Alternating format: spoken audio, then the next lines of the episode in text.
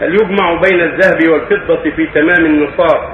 مثلا عش- عشرة مساقيل زائد مئة درهم. هل عليها زكاة؟